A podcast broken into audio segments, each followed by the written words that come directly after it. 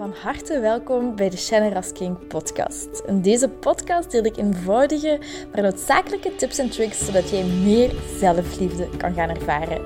Want guess what? Je zit het fucking waard om van gehouden te worden. Ik heb er heel veel zin in en ik hoop jij ook. bye bye. Hoi, lief mooi mens.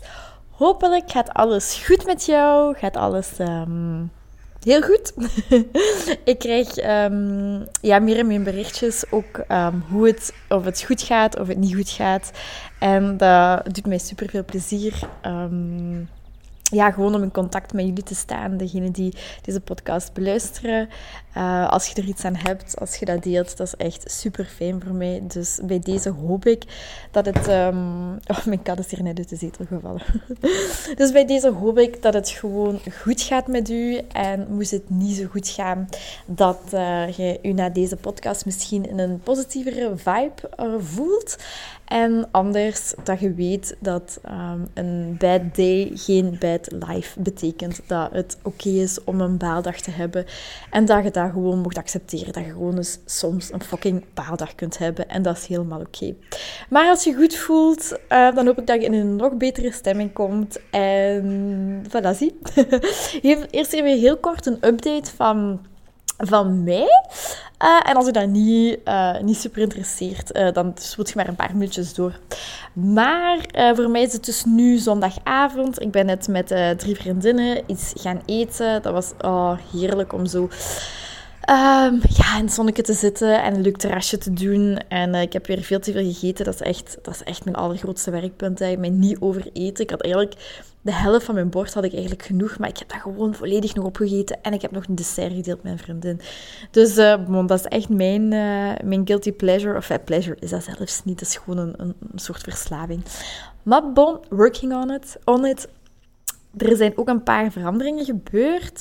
Vorige week, vrijdag, heb ik mijn ontslag ingediend op mijn, ingediend op mijn huidige job. En de reden daarvoor was omdat er, mijn ouders hebben een, een bedrijf, mijn mama en mijn stiefpapa.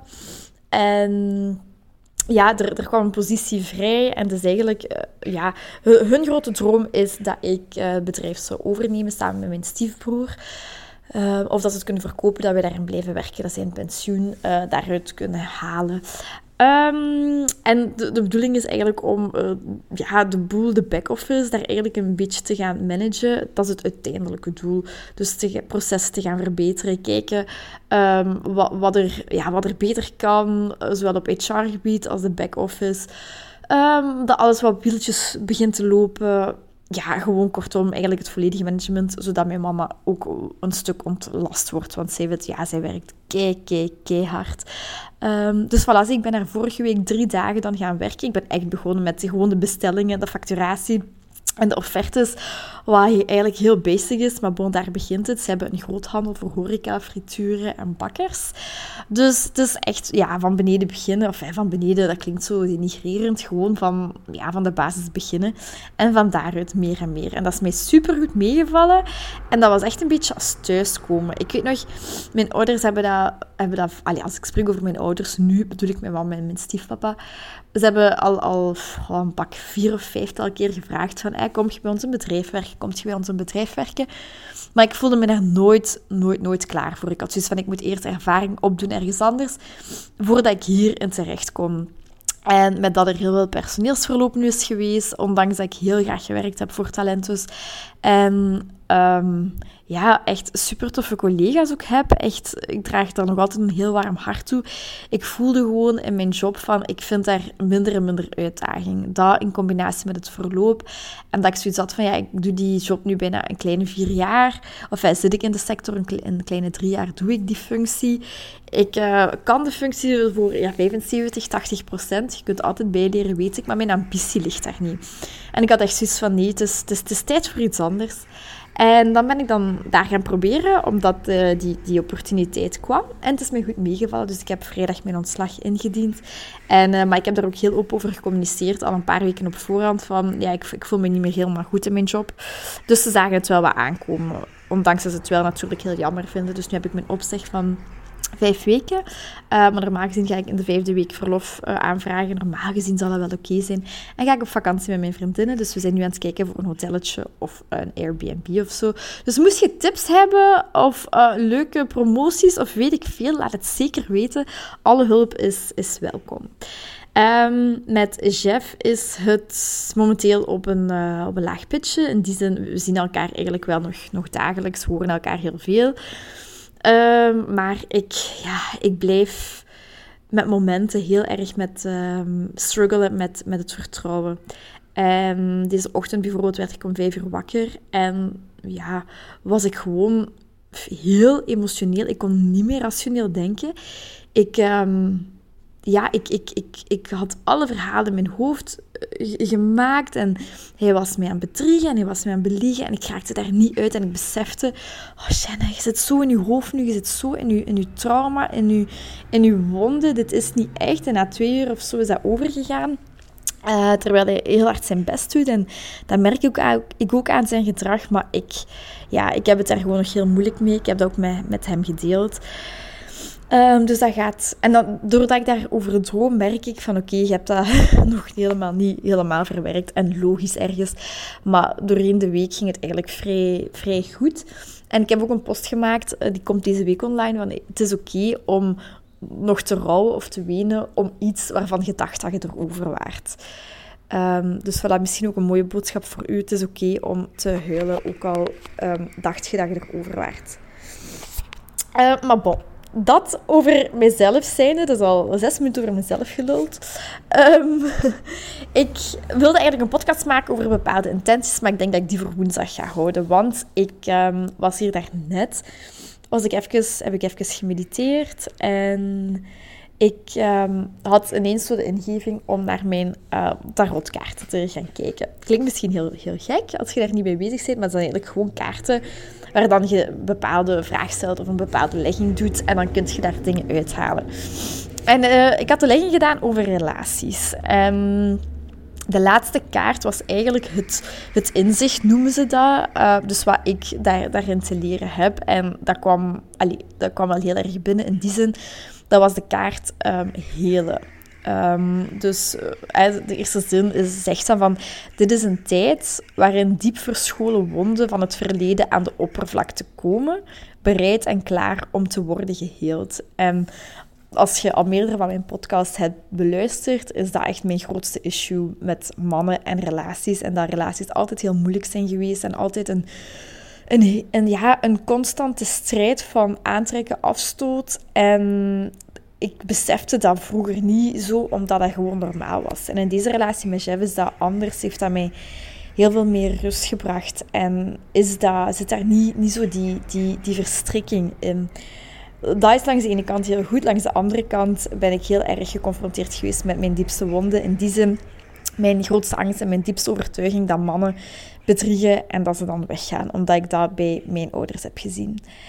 En uh, vandaar dat deze kaart wel binnenkwam. Maar op het laatste stond er een oefening in. Het is een, echt een mini-oefening, maar die ik hier ook graag met u wil delen. Um, er staat eens even kijken. Hè. Um, hoe minder je je hoofd gebruikt, des te sneller geneest de wond. Zonder hoofd is er geen wond. Dus hij beschrijft daar echt in.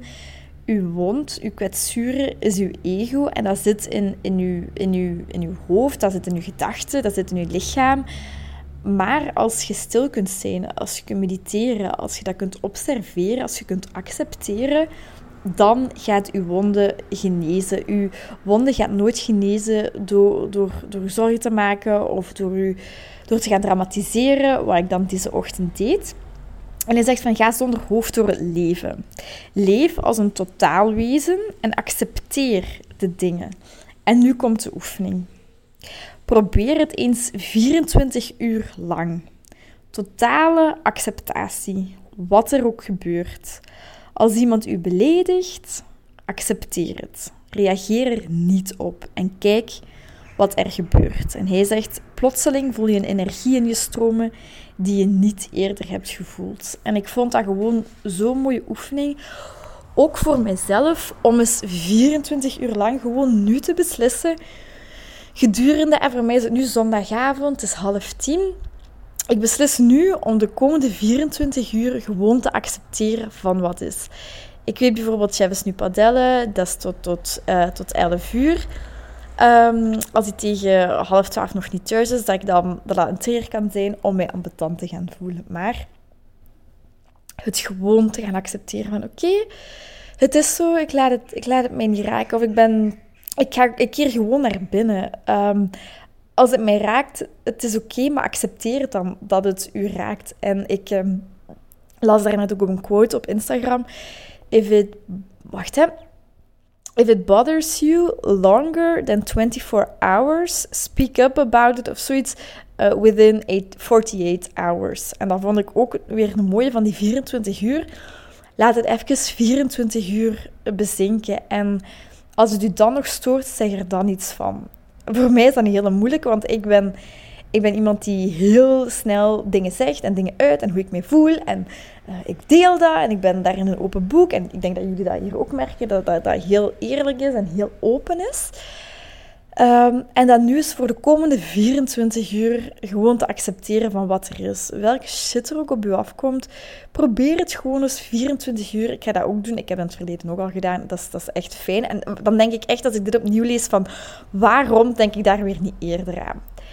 En uw, uw mind, je kunt niet tegelijkertijd anxious zijn of angstig of, ja, hoe zeg je dat in Nederlands? Ja, angstig of, of gefrustreerd zijn en tegelijkertijd je dankbaar voelen. Dus wanneer je dat voelt opkomen, shift dan eens naar dankbaarheid. Oké, dat raakt u, maar waar zijt je? Accepteer het dat dat u raakt, is oké.